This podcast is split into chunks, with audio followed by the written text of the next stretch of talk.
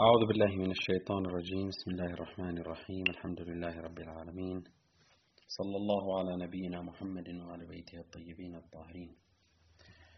آه، في الجلسة العاشرة من مادتنا آه، فقه الحديث نكمل ما بدأناه سابقا والذي عنوناه بالمبادئ أو القواعد أو الأصول التي آه، لا يستغني عنها آه، الباحث في فقه الحديث.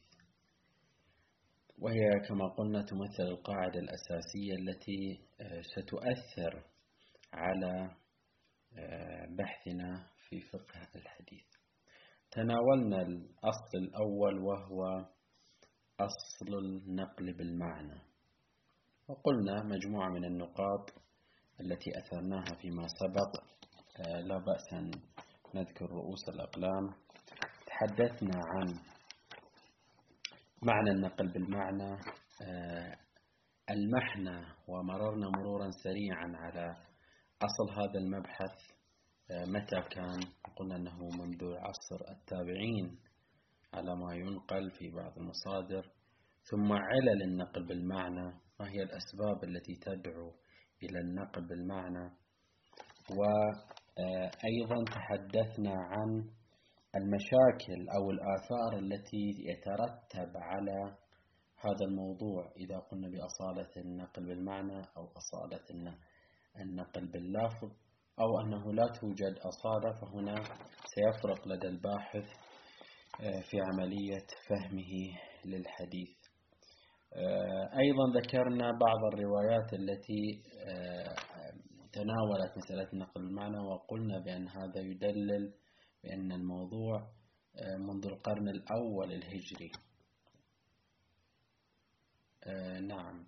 منذ القرن الثاني الهجري كان هذا الموضوع حاضرا في وسط علماء المسلمين. النقطة الرابعة ربما الرابعة والثالث الرابعة والخامسة ما أعرف. آه، في آه، هذا الموضوع وهو أنواع النقل بالمعنى. يعني بعض الصور التي يمكن أن تقع آه، في النقل بالمعنى.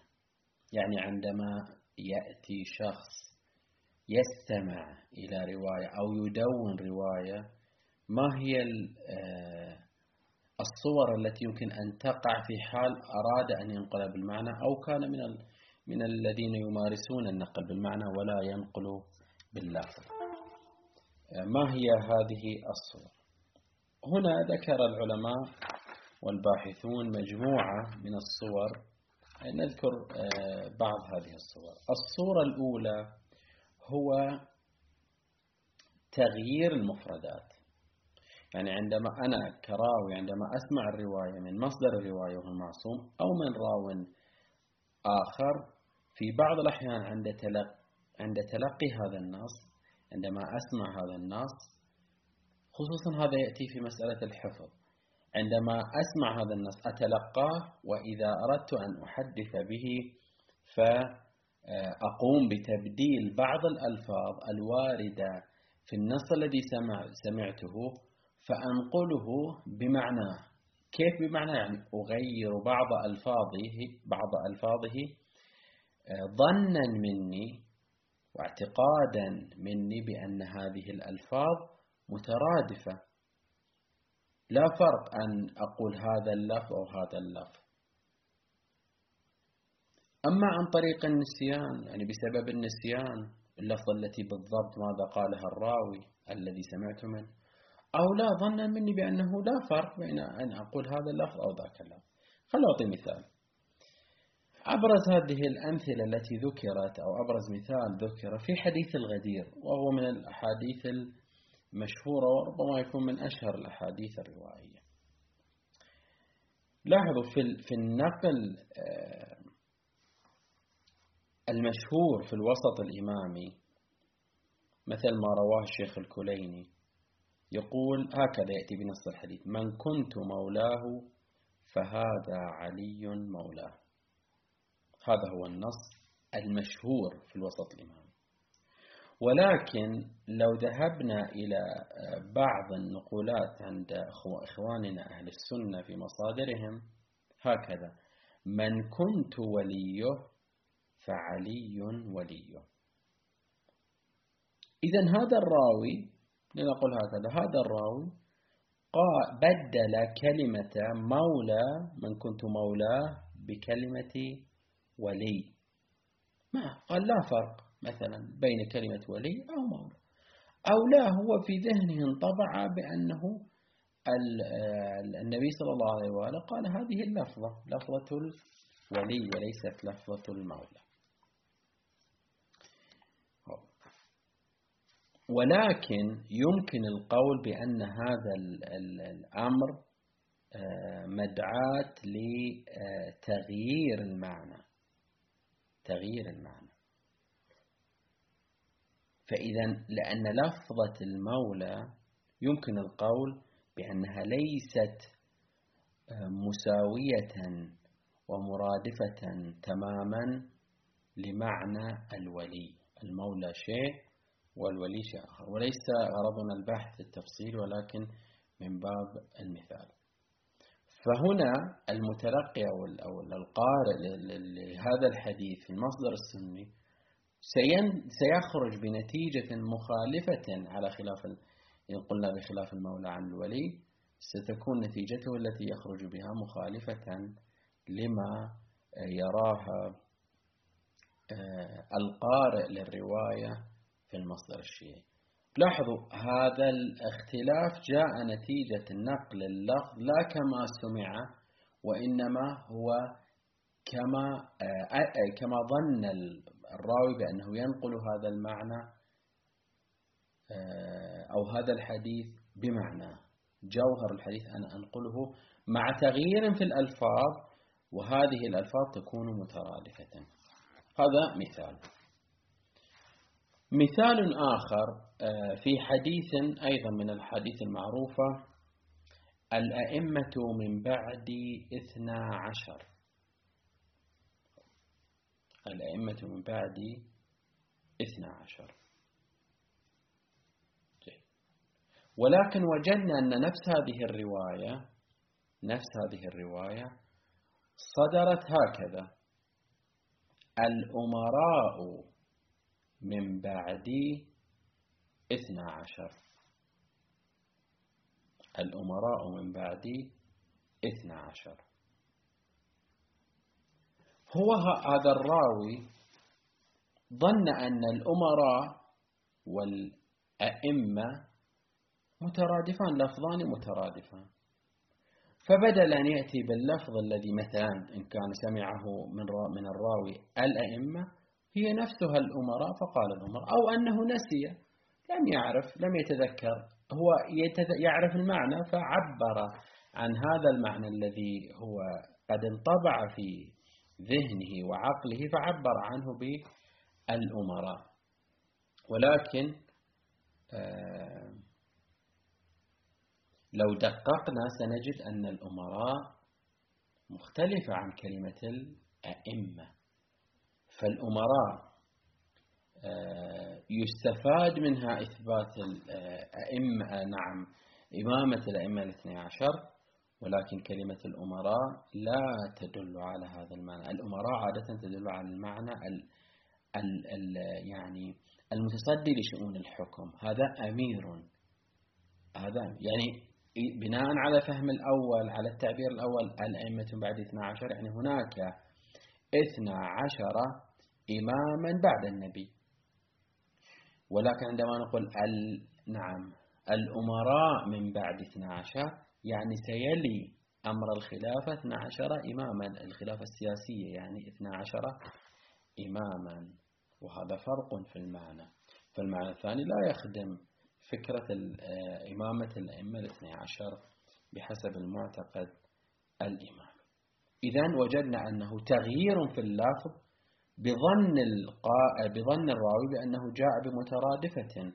فإذا هذا الترادف لم يكن آه، نعم يوصل المعنى الذي أراده المتكلم. إذا النوع الأول هو التغيير في المفردات التغيير في مفردات الحديث. صورة أخرى وهي التغيير في آه، قواعد الإعراب أو القواعد العربية. لاحظوا آه، في بعض الأحيان الراوي يسمع الرواية بصيغة معينة وينقلها بصيغة أخرى. ينقلها بصيغة أخرى. على سبيل المثال يعني أنا في الواقع لم يعني أجد مثالا هو مذكور في المصادر لكن لم أجد مثالا آه، واقعيا. يعني لابد من مقارنة كثير من الروايات حتى نجزم بأن هذه الرواية هي رواية واحدة واحدة بالمعنى والأخرى بالله ولكن مثلا في بعض الأحيان يكون الإمام مثلا تحدث عن رواية وكانت صياغته جملة فعلية. فيأتي الراوي عندما يرويها يروي بصيغة الجملة نعم الجملة الإسمية. هذا تغيير هذا نقل بالمعنى. فالإمام لم يتحدث باللغة عفوا بالصيغة صيغة الجملة الاسمية وإنما كان حديث وهو فرق في صياغة الجملة الفعلية عن صياغة الجملة الاسمية. لا يمكن القول بأنه لا فرق بينهما لا. الجملة الاسمية لها دلالتها تختلف عن دلالة الجملة الفعلية. وهذا في تقدير من الأمور الصعبة جدا. أن نجزم بأن الإمام كانت صياغته مثلا بصيغة اسم مثلا الفاعل أو صيغة المفعول وهذا استعمل مثلا المصدر المؤول الذي هو بقوة مثلا المفعول أو غيرها من القواعد العربية. إذن آه، التغيير آه، آه، تارة أخرى يكون في قواعد الإعراب أو قواعد النحو. الصورة الثالثة هو التغيير في السياق. وهذا التغيير في السياق من أهم عناصر النقل بالمعنى. لاحظوا عندما يأتي شخص ربما ينقل الحديث كما سمعه من قائله من راويه أو من مصدره ولكنه يغفل سياق الحديث فيفهم الحديث فهما آخر غير المراد منه. هو لم ينقل المعنى نقل الألفاظ ولكن هذه الألفاظ جردها عن سياقها. لم يذكر السياق وحادثة الصدور هذه ولذلك قلنا إن شاء الله نتناول هذا الموضوع وهو أسباب صدور الرواية. أسباب صدور الرواية تدخل في هذا المجال. الرواية التي تنقل لنا مجردة كجملة أو كصفحة في صفحة دون أن يذكر سياقها فتقطع من سياقها. ليس سياقها اللفظي وإنما سياقها البيئي إن صح التعبير. أنا سأتي على مثال. هذا عدم ذكر السياق عدم الإشارة إلى السياق هو نحو من النقل بالمعنى. فإنك آه، أيها الراوي عندما نقلت لي الرواية خالية من المعنى من عفوا من السياق مجردة عن سياقها وفضائها وبيئتها التي صدرت فيها سوف أفهم الرواية بحسب الألفاظ. وربما هذه الألفاظ لا تعطي ذلك لاحظوا الرواية المشهورة والمذكورة في آه، الصحاح مذكورة في مجامع الحديثية مثلا مسند الإمام أحمد آه، مثلا صحيح الإمام البخاري وصحيح الإمام مسلم وغيرها لاحظوا هذه الرواية وهي مشهورة مرت علينا كثيرا. إن الله خلق آدم على صورته.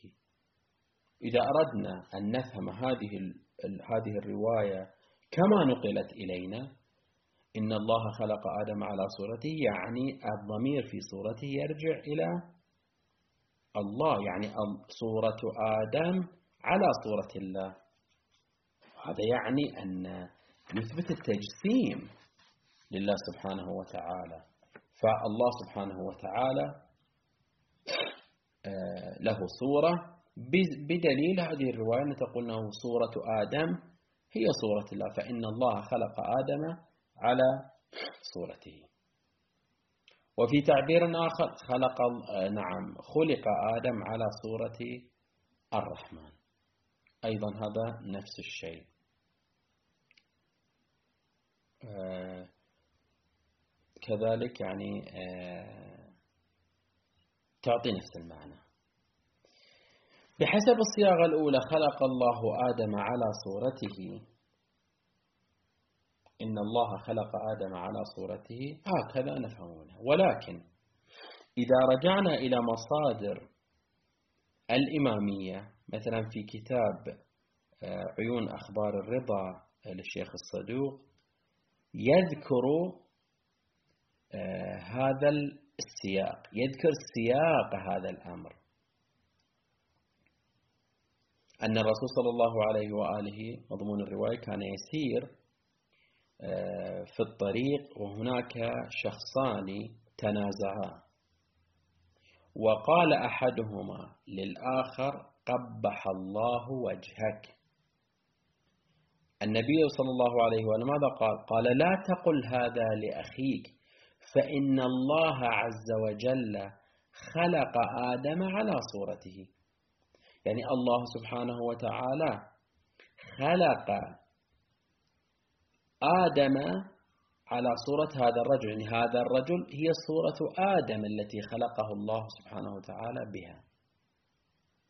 فإذا لا تقل لأخيك لا تقبح وجه أخيك لا تقل هذا لأخيك فإن الله عز وجل خلق آدم على صورته. فإن هذه الصورة وهذا الشكل الذي قبحته هو شكل آدم. فلا ينبغي لك أن آه، تقول هذا القول.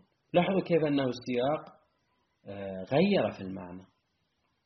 إن الله خلق آدم على صورته شيء وعندما فهمنا فهمنا السياق وتعرفنا على السياق فهمنا من الرواية شيء آخر. بحسب الرواية الرضوية هنا لا تدل على التجسيم. لا تدل على التجسيم.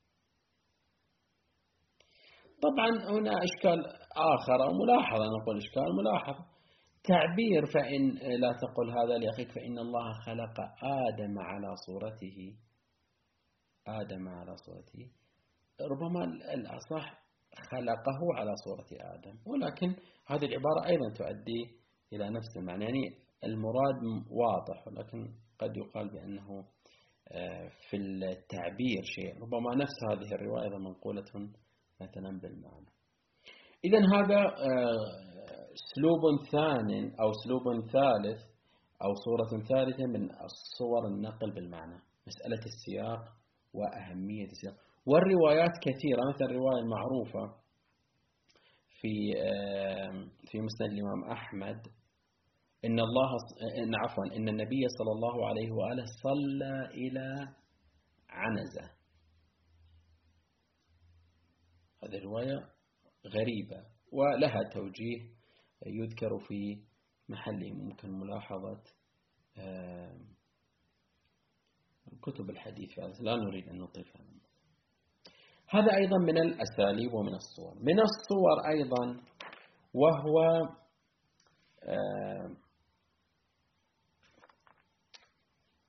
أن تكون اللفظة التي يستعملها الراوي تؤدي نفس يعني هي مترادفة ولكن آه، الترادف ليس ترادفا متطابقا.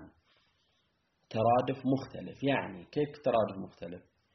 قد يسمع قد يسمع الراوي آه، مفردة آه، رواية وردت في هذه مثلا مفردات معينة فيأتي ب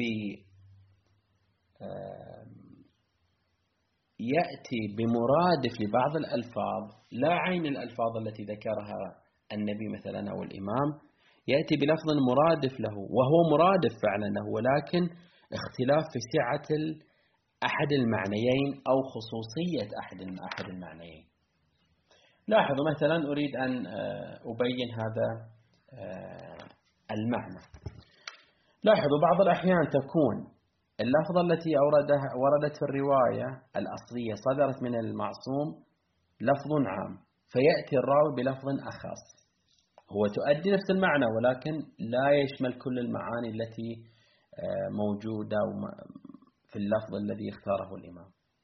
لاحظوا مثلا هذه الرواية التي قلناها من قبل وهي الأئمة من بعد 12 الأئمة من بعد 12 وردت هذه الرواية بتعبير آخر. النقباء من بعد 12 النقباء من بعد 12 وبل أئمة تدل على آه، نحو من الولاية. الإمام له نحو من الولاية. النقباء هي من أحد مرادفات الإمامة ولكنها أضيق من معنى الإمامة. يعني ليس الولاية في كل شيء وإنما الولاية في بعض الأشياء. مفهوم النقابة هي الرئاسة على مجموعة أو قبيلة. في حين الإمامة آه، الرئاسة التي تشمل كل الأقوام كل القبائل الكل. ولاية عامة تكون فيها ولاية عامة. إذا الراوي هنا استعمل كلمة النقباء. ظنا منه أن النقباء مرادفة للأئمة فلا تفرق عنه ولا يفرق أن يقول مثلا الأئمة من بعدي 12 والنقباء من بعدي 12 فإذا إذا لاحظنا لفظ الإمام ولفظ النقيب هناك اختلاف اختلاف في السعة ولكن هي نفس المعنى ولكن الاختلاف كما قلنا في السعة. إذا لاحظوا كيف أنه جاء بمترادفات ولكن هذه المترادفات تكون بين يكون بينها اختلاف. في بعض الأحيان نعم. ينتقل أو ينقل أو تروى الرواية بألفاظ مترادفة ولكن الإمام صدرت عنه صدر عنه الحديث بألفاظ خاصة ويأتي هو بألفاظ عامة. نفس هذه الرواية. نعم. عفوا رواية أخرى رواية أخرى.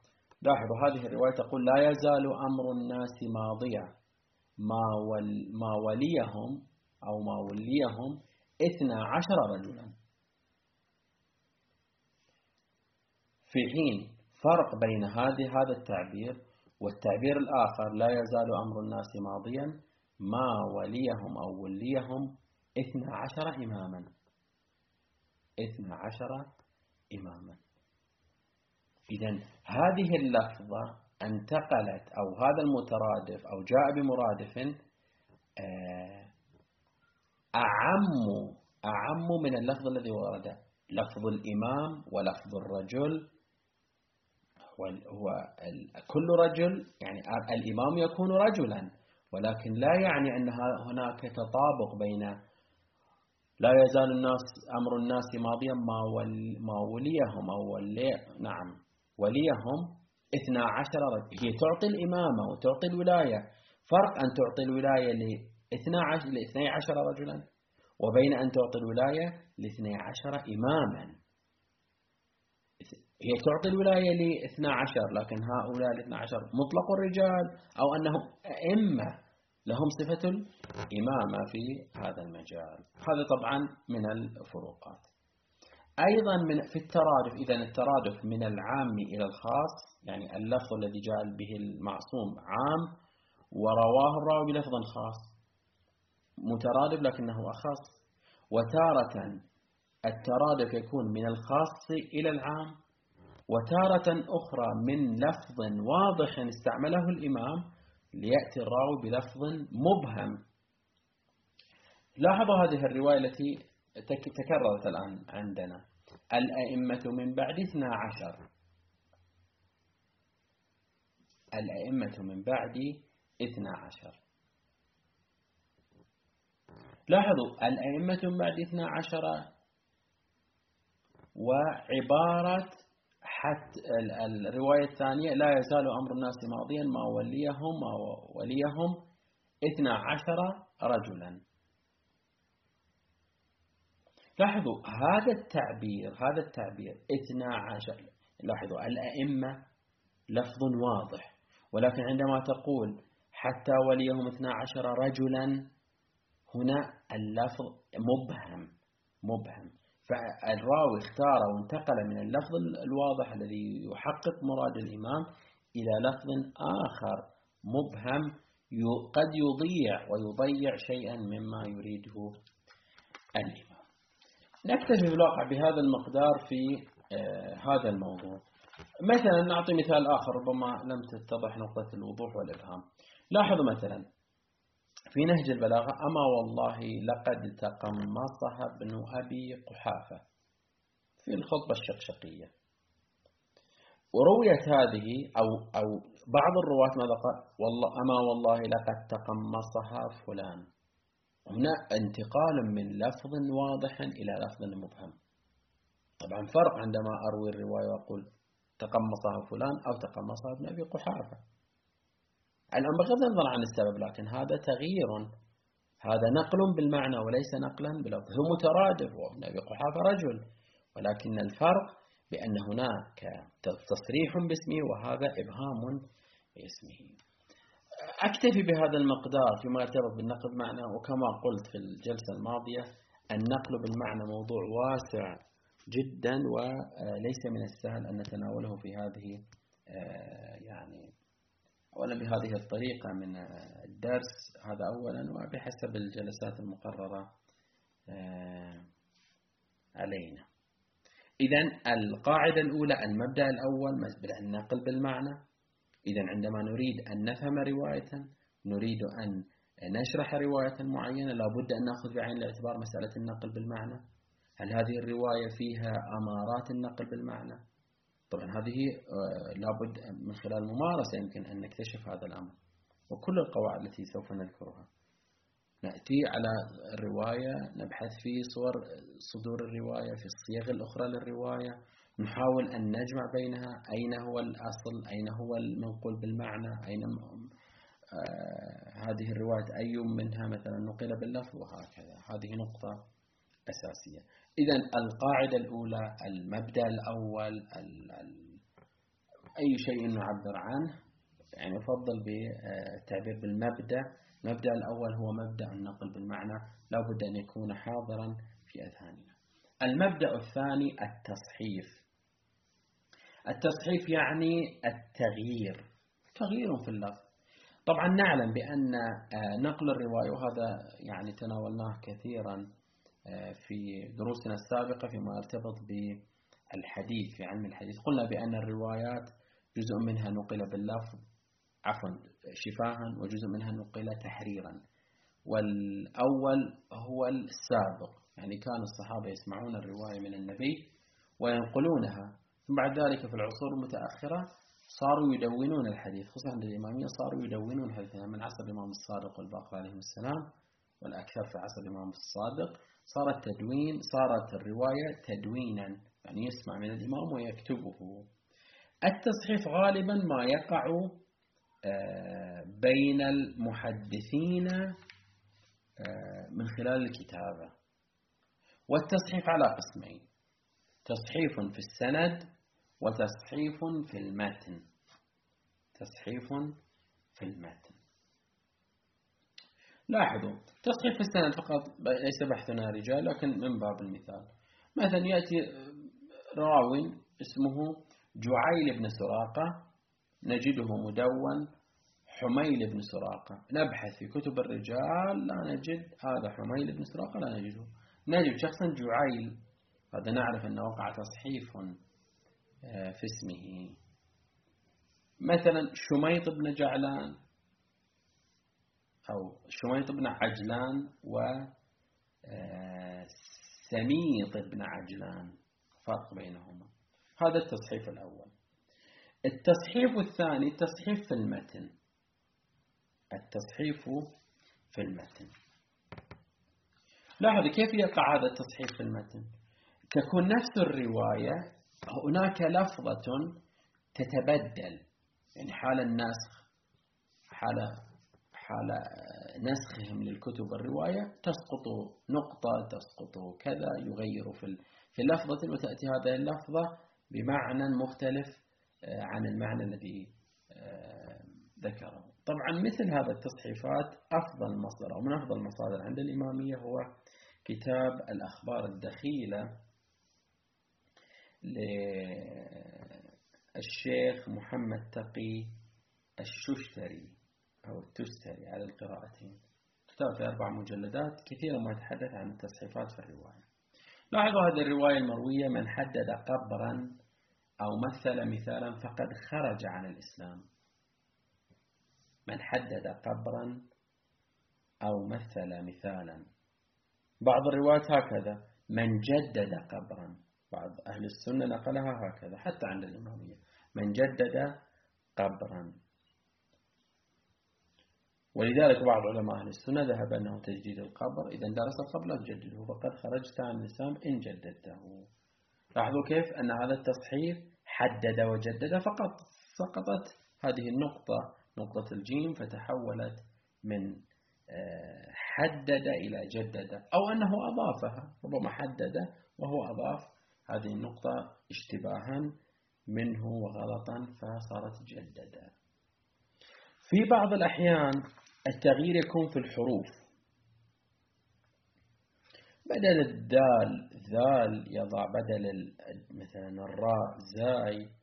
وهذه الأمور التي آه، عادة ما يقع فيها النساخ. مثل هذا المثال الذي ذكرناه. في بعض الأحيان نعم في بعض الأحيان يقع آه، قلب قلب للمعنى عفوا قلب للحروف يقدم ويؤخر في حروف الكلمة فيقع هذا التصحيف في المتن. لاحظوا هذه الرواية آه، هكذا. ثلاثة حق على الله أن يغنيهم. ذكر ثلاثة أشخاص حق على الله أن يغنيهم. منهم قال الناكح ليستعفف. الشخص الذي أراد يريد الزواج ليعف نفسه حق على الله أن يغنيه. هذه الرواية وردت أو في بعض النسخ هكذا ثلاثة حق على الله أن يعينهم أن يعينهم. حدث قلب تقديم وتأخير الحروف سقوط بعض النقاط. تغير المعنى. هنا مختلف بغض النظر عنه ما هو الأثر المترتب على ذلك ولكن تغير المعنى. حق على الله أن يغنيهم أو حق على الله أن يعينهم. موضوع مختلف. الإغناء غير الإعانة. وإن كان الإعانة معنى أعم يشمل الإغناء وغيره. هذا آه، القلب. في بعض الأحيان في الحروف هنا لاحظوا القلب الحروف بعض الأحيان تحذف بعض الحروف. وحذف هذه الحروف يدخلنا في معنى آخر ويخرجنا من معنى آخر. لاحظوا. هذه الرواية المشهورة في حول الإمام الحجة سلام الله تعالى عليه. المروية عن النبي صلى الله عليه وآله. المعروف عند وصف النبي صلى الله عليه وآله للمهدي عليه السلام قال اسمه كاسمي واسم أبيه كاسم أبي. يعني الإمام الحجة اسمه محمد كاسم الرسول واسم أبيه كاسم أبي النبي كاسم أبي النبي.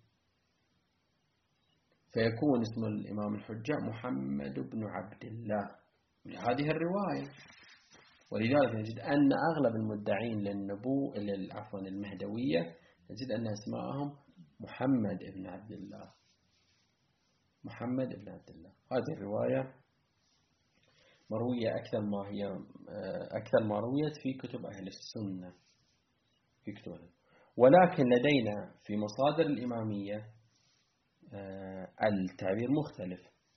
في وصف المهدي اسمه كاسمي واسم أبيه كاسم ابني كاسم ابني يعني اسمه محمد كاسمي واسم أبيه المهدي كاسم ابني ابن النبي هو الإمام الحسن عليه السلام. فيكون محمد بن الحسن. لاحظوا فقط سقطت. حرف النون سقط بدل ابني أصلا أصبحت أبي فتغير المعنى. ووقع الناس في مخمصة واعتقد الناس عقائد ونفوا عقائد أخرى بسبب هذا الحد لاحظوا كيف التصحيف غير المعنى وجعلنا نذهب في جهة مختلفة عن تلك الجهة. طبعا علماء السنة قد يقولون أنتم أضفتم ولسنا نحن من حذف مثلا. هذا يحتاج بحث آخر في هذا المجال. في بعض الأحيان يضاف حرف في الحديث فيتغير المعنى. الرواية المعروفة في كتاب آه، التوحيد للشيخ الصدوق في مورد إسماعيل ابن الإمام الصادق عليه السلام. هكذا المعروف. ما بدا لله بداء بداء ما بدا لله بداء كما بدا له في إسماعيل هكذا. ابني ما بدا. عفوا هذا هذا الصياغة موجودة في بحار الأنوار. ما بدا لله بداء كما بدا له في إسماعيل ابني. وهذا يثبت بأن يعني يمكن استفادة الرواية من الرواية هذا أن الإمامة كانت في إسماعيل ولكن بدا لله سبحانه وتعالى أن يأخذ إسماعيل ولا يكون إماما. ولا يكون إماما. وهذا يثبت إمامة يثبت إمكان ويعني الفكرة الإلهية والخطة الإلهية أن يكون إسماعيل هو الإمام. فإذا مثلا أثبتنا أنه لم يمت كما تذهب الإسماعيلية فهذا يغير المعنى. ولكن نجد أن الشيخ الصدوق ينقل الرواية ويروي هكذا. ما بدا لله بداء كما بدا له في إسماعيل أو في إسماعيل أبي. كيف يكون إسماعيل أبو النبي؟ أبو الصادق عليه السلام. إسماعيل ابن إبراهيم. يعني أعظم ما بدا لله في شو مثلا شؤون الناس كما بدا له في إسماعيل فإن إسماعيل كان قرار الله سبحانه وتعالى أن يذبحه. ولكن أظهر الله سبحانه وتعالى يعني حسب الظاهر كان الله يريد من إبراهيم أن يذبح ابنه. ولكن أظهر الله سبحانه وتعالى خلاف ذلك. خلاف ما فهمه إبراهيم أنه لا يريد أن يذبحه إنما يريد أن يمتحن إبراهيم وإسماعيل. فما بدا لله بداء كما بدا له في إسماعيل أبي. لاحظوا أبي وابني غيرت المعنى. غيرت المعنى هذا من الأمور الأساسية والقواعد المهمة في هذا المجال. في الواقع هنا آه، كلام كثير لكن أحاول أن أختصر. طبعا إذا أردنا في الواقع أن آه، آه، يعني مثل هذه الموارد نرجع أيضا لكتاب لكتاب الشيخ التستري رحمه الله في الأخبار الدخيلة. طبعا قد نختلف مع الشيخ التستري وما هو لديه مزاج خاص في مسألة يعني التصحيفات وهذه الأمور. ولكن آه، روايات كثيرة يعني أربع مجلدات ليست قليلة. جمع كثير من الروايات والأدعية في هذا آه، المجال. أيضا آه، شراح نهج البلاغة أيضا خصوصا مثلا بهج الصباغة أيضا هذا الكتاب مهم في هذا المجال. واحدة من أيضا صور التصحيف هو التداخل بين الرواية وكلام الراوي. كثير من الأحيان نقرأ رواية ونجد أنها في مصدر آخر غير موجودة هذه الإضافة. فهل هذه الإضافة من الراوي ذكرها أو أنها من كلام الإمام أن أحد المصدرين لم يذكرها أو غير ذلك؟ لاحظ مثل هذه الرواية التي ذكرناها من قبل النقباء من بعد 12 نقيبا نعم 12 عفوا. النقباء من بعد 12 بعدد نقباء بني إسرائيل. يقال بأن هذه الإضافة هي توضيح من الراوي وهو عبد الله بن مسعود. فقد ذكرها حتى يوضح أن النقباء من بعد 12 يريد أن يوضح كنقباء أو بعدد نقباء بني آه، إسرائيل. هذا أيضا آه، موضوع آه، مهم في هذا المجال. والتصحيف مجال التصحيف كثيرا ما يعني يكتسب من خلال التجربة من خلال الممارسة. في الممارسة نستطيع أن نكتشف الكثير من التصحيفات وتعتمد على دقة المطالع ودقة القارئ في هذا المجال. إذا تناولنا القاعدة الأولى قاعدة أو مبدأ النقل بالمعنى المبدأ الثاني مبدأ التصحيف خصوصا في مسألة الألفاظ آه، على مستوى إضافة جملة على مستوى حذف جملة على مستوى إضافة حرف على مستوى قلب الحروف على مستوى آه، حذف حرف وهكذا. هكذا نكون قد انتهينا من المبدأ الثاني. المبدأ الثالث إن شاء الله موضوع التحريف. التحريف.